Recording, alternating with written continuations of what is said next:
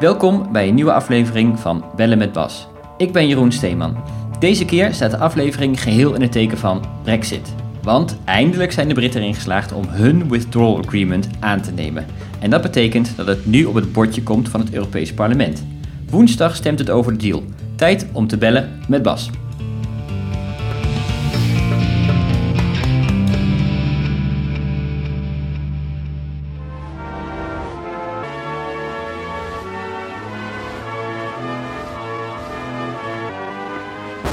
Hey Bas. Hey Bas, met, uh, met Jeroen. Hey, um, de week van de waarheid voor Brexit. Is dit dan echt de, de echte week van de waarheid? um, nee. Nee, volgens mij is dit, het, uh, is dit het, het einde van fase 1 en het begin van nog een hele lange nieuwe fase. Want, want we gaan het natuurlijk hierna hebben over onze toekomstige relatie tussen EU en Verenigd Koninkrijk. Dus uh, nee, we zijn er nog lang niet. Uh, we gaan juist weer een hele nieuwe fase in. Oké, okay, um, maar goed, voordat we gaan kijken naar die nieuwe fase, um, ik heb eventjes wat, uh, wat, wat nazoekwerk gedaan om, um, zodat we ook even kunnen terugkijken op de afgelopen vier jaar inmiddels. want het, het, het beruchte Brexit-referendum was op 26 juni 2016 al. Ja, dat is 3,5 jaar geleden, hè? Ja, ja, bijna vier jaar ondertussen. Klopt, ja. Ja, en de uitslag trouwens, om die nog even terug te halen, is natuurlijk ook interessant. Um, 51,89% stemde voor leave, dus voor uittreden uit de Europese Unie. En 48,11% die stemde voor, voor remain. Dus dat, is, dat vergeten we wel eens. Het was echt gewoon een hele, hele krappe uitslag. Ja, en, en, en wat natuurlijk fascinerend is, is dat daarna de, de harde Brexiteers deden alsof zij een mandaat hadden voor een harde Brexit. Terwijl dat was natuurlijk vanaf het begin nooit echt heel duidelijk. Van oké, de Britten hebben nu gestemd voor het uh, uit de EU treden. Maar voor wat voor een brexit, dat was eigenlijk niet duidelijk. En het is een heel raar figuur dat de harde brexiteers nu deden alsof zij een harde brexit mandaat hadden. Dat zou andersom als er een nipte meerderheid voor Remain zou zijn geweest, zou het net zo raar zijn geweest als de Remainers dan hadden gezegd: ja, en nu gaan de Britten dus aan de euro en in Schengen en alles meedoen aan de EU, want ze kiezen voor Europa. Dat, dat zou niemand geaccepteerd hebben de andere kant op, maar op een of andere manier het verhaal dat er nu een harde Brexit-mandaat ligt, was erg dominant in, uh, in die periode meteen na, na het referendum. Heel apart. Ja, precies. Want het was uh, natuurlijk uh, David Cameron die het, uh, het referendum aankondigde. Hij wilde eigenlijk, het was een soort toegeving volgens mij aan de, aan de Brexiteers binnen zijn partij. En hij dacht, ik wil af van het gezeur over Europa. Ik ga gewoon een referendum doen en dan is duidelijk wat het Britse volk wil. Ja, en hij dacht eigenlijk vooral dat hij daarmee weer de eenheid in zijn eigen partij zou herstellen. Dus, dus eigenlijk is deze hele Brexit-discussie is eigenlijk één lange saga van, van uh, partijpolitiek van binnen de Tories. En Cameron is daar absoluut mee begonnen en dacht, nou, als we nu een referendum doen, dan, dan mijn harde lijn binnen de fractie, die, die hebben dan een referendum. En Cameron dacht dat hij een Remain wel zou kunnen binnenhalen. Dan dacht hij, dan hebben we de ene kant van mijn fractie stilgekregen. En vervolgens kunnen we het gewoon gaan hebben over de toekomst uh, van, van de VK in de EU. Nou ja, dat, dat, dat plan is een beetje in het gezicht van Cameron geëxplodeerd. Ja, precies. Hij stapte op en uh, Theresa May werd toen de, de prime minister. Um, en zij begon echt de, procedure hè, om uit de, de EU te, te, treden. Ja, en, en ook daar uh, ja, eigenlijk weer een beetje aangezet door, door diezelfde hardliners binnen die fractie. Uh, heeft May toen heel stoer gezegd: Nou, ik ga dat artikel 50, hè, die uittreding uit de EU, die ga ik meteen in werking zetten. Zo snel mogelijk. Uh, ja. Zo snel mogelijk. Dat betekent gewoon dat je, dat je in twee jaar tijd uh, moet, moet, moet er een deal liggen. Dat, dat staat in dat artikel.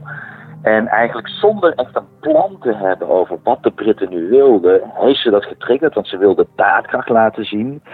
Uh, dat was volgens mij in maart 2017, dus dan zijn we, bijna, zijn we alweer drie kwart jaar verder. Maar goed, toen is dat getriggerd, zonder dat ze een plan hadden. Nou ja, dat, dat, dat was wederom een fout, ditmaal van mee.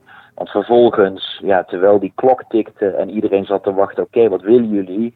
Uh, ja, liep, die onderhandelingsklok door. Ja, nou ja, goed. Uh, fout op fout, zootje na zootje. Dat, dat is volgens mij de beste samenvatting van die hele periode. Ja, precies. Wat afronden in een, in een deal, um, in, een, in een withdrawal agreement. Dus de deal over hoe gaat Groot-Brittannië nu uit de Europese Unie stappen. Die heeft mee met onderhandelaars van de Europese Unie uiteindelijk afgesproken. En dat is de agreement. En die moest dus uh, door het Lagerhuis en uiteindelijk door, door het Europees Parlement. Uh, maar het Lagerhuis, dat was een uh, probleempje uiteindelijk. ja, dan, volgens mij was die, hè, die deal van May was zeg maar eind 2018. Hè, dus dan zijn we, dan zijn we ondertussen al, nou ja, 2,5 jaar verder na het referendum lag er een deal. Maar vervolgens heeft ze uh, ongeveer de eerste helft van 2019 nodig gehad om, om maar een meerderheid in het lagerhuis te krijgen. En uh, dat, dat, dat lukte op geen enkele manier. Elke stemming heeft ze verloren. En allerlei pogingen om dan te weten wat het lagerhuis wilde. Um, dat is gestrand. Dus, dus er was geen enkele meerderheid op wat ze wel wilde. Nee, precies. Want toen, toen May aantrad, uh, Cameron die, die, die stapte op, May trad aan en die dacht... In, weet je wat, ik ga meteen verkiezingen organiseren. Dan heb ik tenminste weer een stevig mandaat. Um, waarbij ze uh, uh, dus Pardoes de meerderheid in haar eigen parlement kwijtraakte uiteindelijk.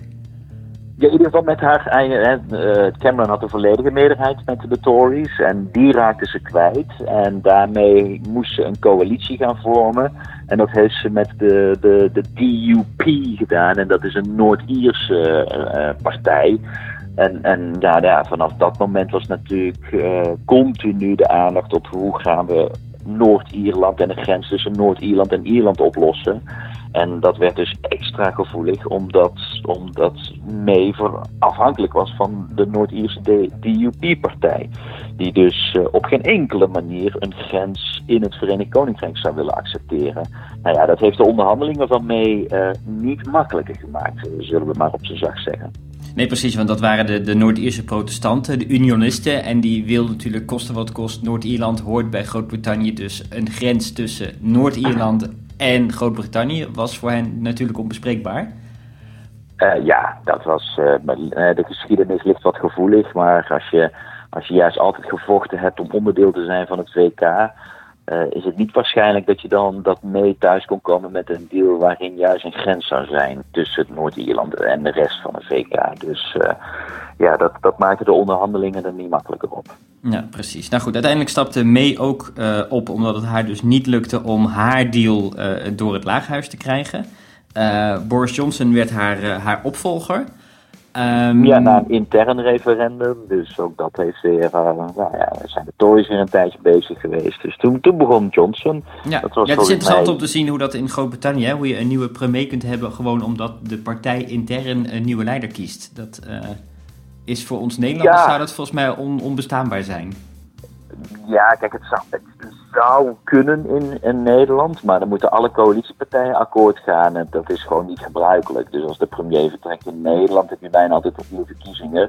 Maar in het Verenigd Koninkrijk uh, zijn het, is het gewoon de Tory-fractie, fractie, het Lagerhuis uiteindelijk die bepaalt, oké, okay, dan wordt dit onze nieuwe leider en ja, die kan, uh, die kan doorgaan uh, op hetzelfde mandaat als waar de vorige premier dan op, op functioneert. Ja, dat, dat kan.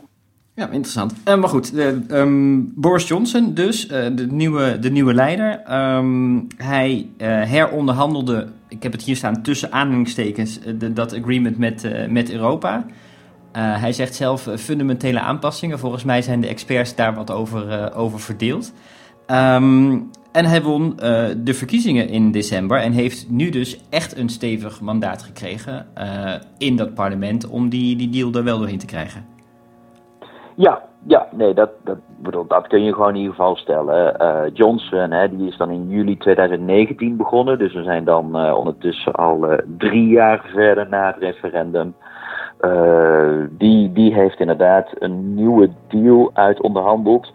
Ja, even wat, wat, wat het grootste verschil daarin is, is dat, dat hij wat natuurlijk in die hele discussie, wat heel, heel tijd vastliep in het lagerhuis, in die deel van, van, van May, was de backstop. Hè, de, de, de backstop, dat, dat was het grote probleem. Ja, wat was die backstop nou? Nou, omdat, uh, omdat er dus ja, de, de, de, May niet thuis kon komen met een grens tussen Noord-Ierland en het VK. Uh, dat, dat was uh, ondenkbaar. Uh, nou ja, moest er dus een, moest iets uitonderhandeld worden over de toekomstige relaties. En dan is natuurlijk de grens tussen Ierland en Noord-Ierland het meest gevoelig. En in de deal van May was, als er nou niet tot een deal zou komen, dan zou de backstop in werking treden. En dan zou daarmee het heel Verenigd Koninkrijk alsnog onderdeel blijven van die interne markt van de EU, met alle gevolgen van dien over dat, dat het VK gedwongen was om Europese wetgeving te implementeren zonder inspraak. Dus uh, dat als er geen toekomstige deal tussen EU en VK mogelijk was, zou dus het Verenigd Koninkrijk in zijn geheel alsnog onderdeel zijn van de interne markt.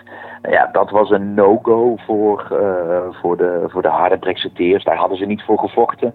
Dus uh, dat moest Johnson aanpassen. Ja, wat heeft Johnson gedaan? Eigenlijk heeft hij zijn DUP, dus die, die Noord-Ierse uh, unionisten, die heeft hij voor de bus gegooid.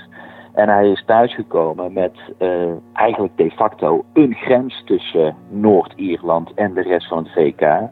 Waardoor hij die backstop kon, uh, kon eruit, eruit kon halen.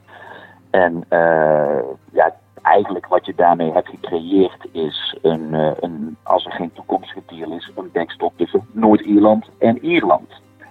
En de rest van het VK dan niet. Dus uh, nou ja, dat is op zich een belangrijke wijziging.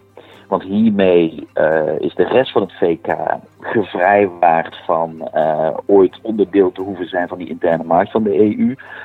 Maar uh, ja, je accepteert wel een grens eigenlijk tussen Noord-Ierland en de rest van de VK.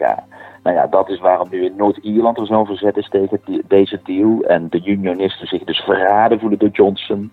Maar ja, dat laat Johnson zien. Het is een, uh, ja, het is een, een flexibele geest, zullen we maar zeggen. Die uh, moest met iets nieuws thuiskomen. Die moest die backstop eruit, want daar had hij zelf ook continu zo'n punt van gemaakt, waardoor hij tegen een meedeal stemde ja, heeft hij dus iets geaccepteerd waarvan hij eerder ook had gezegd dat hij dat nooit zou accepteren. Hè? Een grens in het Verenigd Koninkrijk. Ja, dat ligt nu wel voor. Uh, en uh, ja, als er geen toekomstige deal is tussen EU en VK, ja, zal het dus toch een soort grens zijn tussen, tussen Noord-Ierland en de rest van het VK. Ja, dat, dat krijgt wat minder aandacht, maar ja, dat, dat, dat is toch wel een uh, forse, forse grens die er geaccepteerd wordt in, in het Verenigd Koninkrijk zelf. Maar goed, dat heeft Johnson uh, voor elkaar gekregen. Hij heeft weer de rondverkiezingen uitgeschreven. Hij heeft die wel gewonnen. Overigens maar echt, echt maar een procentueel net iets meer gehaald dan, uh, dan nee. Maar wel in de goede regio's, zeg maar, in het districtenstelsel. Waardoor hij wel een absolute meerderheid heeft. En dus kan hij nu een uh, akkoord krijgen van het lagerhuis. En die heeft dat ook gedaan. Dus uh, nou ja, eind januari, we zijn 3,5 jaar verder. En uh, nu zal deze week het Europees Parlement stemmen.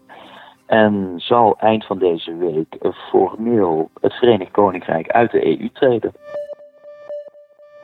Ja, want even voor het, voor het overzicht. Het, het Europees Parlement gaat nu stemmen dus over die uh, withdrawal agreement. Dat is dus ja. het akkoord over hoe het Verenigd Koninkrijk uit de Europese Unie gaat stappen. Uh, we hadden hier mm -hmm. al over stap 2 en dat is dan de toekomstige relatie tussen de Europese Unie en het Verenigd Koninkrijk. Um, maar laten ja. we eerst nog even over die withdrawal agreement dan hebben, want dat, wat staat daar nou precies, uh, precies in dan?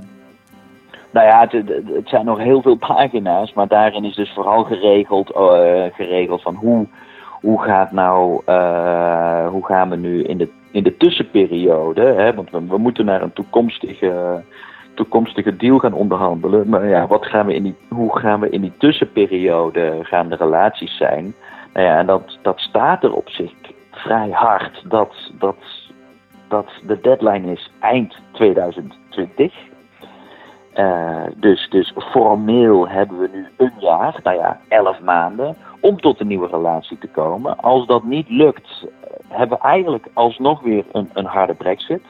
Omdat uh, met het nieuwe lagerhuis Johnson dat, uh, dat snel uh, zeg maar geaccordeerd heeft op die manier. waar het vorige lagerhuis continu zei nooit een, een harde brexit. ja, is dit nieuwe lagerhuis is daar niet meer zo hard in. Ja, dat, dat zet dus de druk erop om in elf maanden een nieuwe deal te hebben.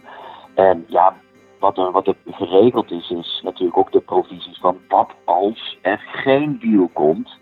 Nou ja, dan krijgen we dus die, die harde brexit voor nou, de rest van het VK. Want er komt dan wel een grens tussen Noord-Ierland en de rest van het VK. Want Noord-Ierland gaat dan wel in die interne markt van de EU vallen. Dat is dan voor vier jaar. En over vier jaar mag dan het Noord-Ierse parlement stemmen of ze die situatie willen continueren. Waarin je dus eigenlijk Noord-Ierland en Ierland uh, gewoon in één markt hebt en daarmee de EU. Uh, of dat dat toch niet het geval is. Nou, bij continuering dan, uh, dan blijft dus die grens tussen Noord-Ierland en de rest van het VK. mocht het Noord-Ierse parlement dat toch niet willen, ja, dan kan er uiteindelijk ook daar nog een harde brexit gaan komen. Nou ja, dat, dan zijn we wel zes jaar verder ondertussen. Uh, maar goed, dat soort regelingen zijn allemaal in detail in die withdrawal agreement uh, opgenomen. Hoe gaan we om met de rechten van de EU-burgers in het VK en met de rechten van de VK-burgers in de EU? Terwijl we nog niet een nieuwe, nieuwe deal hebben met elkaar. Nou ja, al dat soort zaken. Hoe wordt er in de tussentijd met de wetgeving van de EU omgegaan? Ja, die zijn allemaal geregeld in die uh, withdrawal agreement. Oké, en dan uh, begint dus ook dus de, de klok meteen te tikken voor dat, uh, dat definitieve akkoord over die, die toekomstige uh, relatie. Um, er zit ja. nog wat licht tussen die ideeën die Boris Johnson heeft en die de, de Europese Unie hebben over wat daar nu allemaal ingeregeld moet worden, geloof ik. Hè? Met hoe hecht die relatie nou straks gaat, gaat worden. Nee, ja, en dat, dat, dat wordt nu natuurlijk een beetje het spannende. Uh, ja, wat, wat, wat voor een toekomstige relatie. Kijk, de, de EU wil natuurlijk gewoon het liefste dat, dat de, de, de marktregels die de Verenigd Koninkrijk hanteert zo dicht mogelijk zitten tegen de EU-regels. Want hoe dichter die regels zijn, hoe makkelijker je gewoon handel tussen, tussen elkaar kan bedrijven. Dus, dus de inzet van de EU is uh, nou ja, zo, zo, zoveel mogelijk van de EU-regels uh, in de nieuwe deal uh, geregeld krijgen. Ja, dat is nou net waar de Tories, dit is ook een beetje een visie die je hebt van, van op jouw land. wat vind je belangrijk? Nou ja, de Tories hebben toch een beetje als, als, als natte droom het Singapore aan de Theems. Uh, dus uh, dat betekent uh, veel zelfregulering, veel vrijheid voor het bedrijfsleven, voor de financiële sector. En, en dus handel drijven met veel landen in de wereld. eigenlijk zo min mogelijk regelgeving, want dat is slecht voor de bedrijvigheid. lage belastingen. En, en daarmee competitief zijn in de rest van de wereld. Ja, dat, dat, dat betekent natuurlijk een, een prijs die betaald wordt voor door de sociale rechten, eh, de milieurechten. En als dat dus ver van die EU-regels af zit, omdat daar veel meer sociaal en milieu met name geregeld is, ja, dan zal er dus uh, een grotere, toch weer grens zitten uh, tussen EU en het Verenigd Koninkrijk. Er zal er veel, meer, uh, veel minder handel plaats kunnen vinden. In ieder geval handel zonder tarieven. Ja, want de Europese Unie Kan, kan natuurlijk nooit accepteren dat aan de overkant van het kanaal een land zit waar inderdaad amper sociale rechten gelden, amper milieuregels gelden. En dus heel erg op prijs veel goedkoper geconcurreerd kan worden. Ja, en, en denk ook gewoon even aan, aan hè, de, de, rest van de uh, Europa, de rest van de EU. Uh, daarin zijn alle producenten wel degelijk gedwongen om zich aan de EU-wetgeving te houden. Om dus met zorg te gaan denken aan voedselkwaliteit, veilige producten, milieuvriendelijke producten. Nou ja, dat is waar Europa aan werkt. Als, als jij als producent in Europa daaraan moet voldoen en er komt in één keer allerlei Britse goedkope meuk je markt op, omdat we maar uh, lekker willen handelen met uh, het VK. Creëer je ook een ongelijk speelveld. Nou ja, dat, dat kan nooit de bedoeling zijn. Dus dat, dan zal de EU gedwongen zijn om tarieven te gaan rekenen voor die producten van het Verenigd Koninkrijk. Ja, dan, dan gaat juist dus die handel die er nu vanzelf is, ja, die gaat daaronder lijden. En dat wil, het, dat wil de EU voorkomen. Maar ja, Johnson lijkt met zijn visie van Singapore aan de Theems daar wel op aan te sturen. Ja, dat, dat gaan nog spannende maanden worden. En dat, dat kan echt nog klappen in de onderhandelingen. Ja, en dan is het misschien interessant om even te kijken naar de rol van Nederland specifiek. Want Nederland is natuurlijk het land dat als handelsland inderdaad zegt van... Uh, wij willen vooral die handel met het Verenigd Koninkrijk overeind houden. Ja, en, en dat wordt natuurlijk nog spannend. Uh, tot nu toe is de EU erg eensgezind geweest. In al die 3,5 jaar waarin wij hebben onderhandeld over hoe, uit, hoe laten we de, de, de Britten uit de EU treden, is het zeer eensgezind geweest. Ook wel dankzij het gepruts van de Britten. Ja, we gaan nu wel een nieuw stadium in, waarin uh, nou ja, de Britten ditmaal wel een, lijken een iets wat beter beeld te hebben wat zij willen met Groot-Brittannië.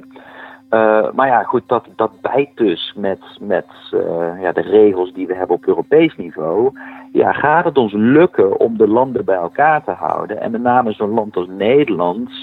Nou ja, ik denk dat het echt wel aan de Tweede Kamer is om Rutte hier scherp te houden. Want uh, ja, misschien wil Rutte nog wel eens gaan denken: ja, de handel met de Britten is het allerbelangrijkste. Ja, en als hij dus wat minder ook die regels wil uh, gaan laten naleven, dan creëert hij dus een ongelijk speelveld. Maar je creëert ook spanningen met de rest van de EU-landen, die ongetwijfeld strikter zullen zitten op het naleven van die EU-regels. Dus ja, ik, ik hoop dat, dat Mark Rutte wel op het, op het rechte pad blijft en, en die eensgezindheid van de EU in stand houdt. Dat wordt, dat wordt wel spannend.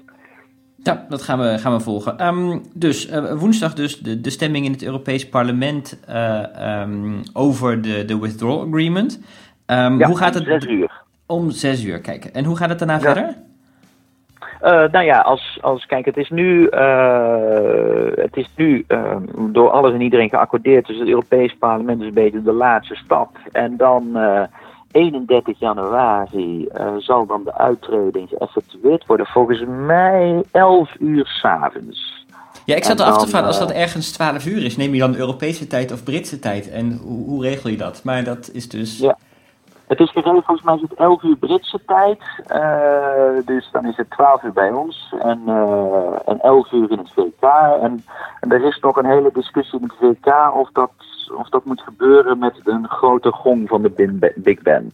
Ah, de ceremonie uh, daaromheen. Ja, het ja, moet gevierd ja, worden volgens, ja, volgens sommigen inderdaad. Um, ik kan me voorstellen dat de stemming... Ja, is ook weer gevoelig. Ja. ja, precies. Er zullen wat collega's van jou zijn in het parlement... Uh, van onze groene fractie bijvoorbeeld... die gewoon uh, meteen nou terug naar huis moeten... en klaar zijn in het Europees parlement.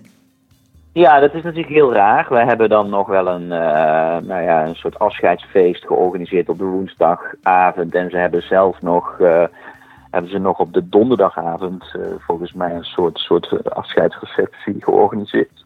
Want het is, het is voor hun dan afgelopen. Het is, het is natuurlijk heel raar.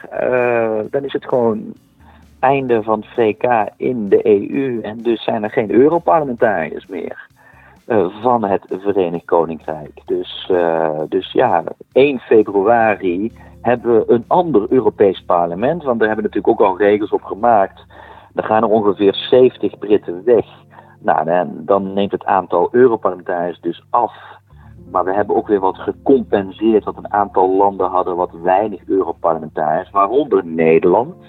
En Nederland krijgt dus drie extra Europarlementariërs door de Brexit. Dus in Nederland waren er drie individuen die uh, heel erg aan het hopen waren op die brexit, omdat ze dan weer Europarlementariër kunnen worden. Ja, zo, zie je dat 1 februari 2020 hebben we in één keer een ander Europees parlement met uh, minder Britten, geen Britten en drie Nederlanders meer. Ja, en daardoor zullen de verhoudingen tussen de partijen ook wel enigszins gaan schuiven, al lijkt het mee te vallen. Hè? Is niet ineens een, hele meerderheid die echt een andere kant op valt, volgens mij. Nee, de meerderheden blijven hetzelfde, maar het is wel zeg maar relatieve winst voor de kracht van de christendemocraten. Want die verliezen geen Britten, want die hadden geen Britten meer in de fractie. Uh, en toch wel de verliezers, gewoon puur numeriek, zijn, uh, zijn uh, de liberalen en de groenen met name procentueel en een beetje de sociaaldemocraten. Ja, ja. Maar goed. Um, nou ja, de conclusie dus na, na dit gesprek is uh, de week van de waarheid voor, voor de brexit. Um, in ieder geval een belangrijke week. Maar we zijn uh, in die zin nog niet van de brexit af.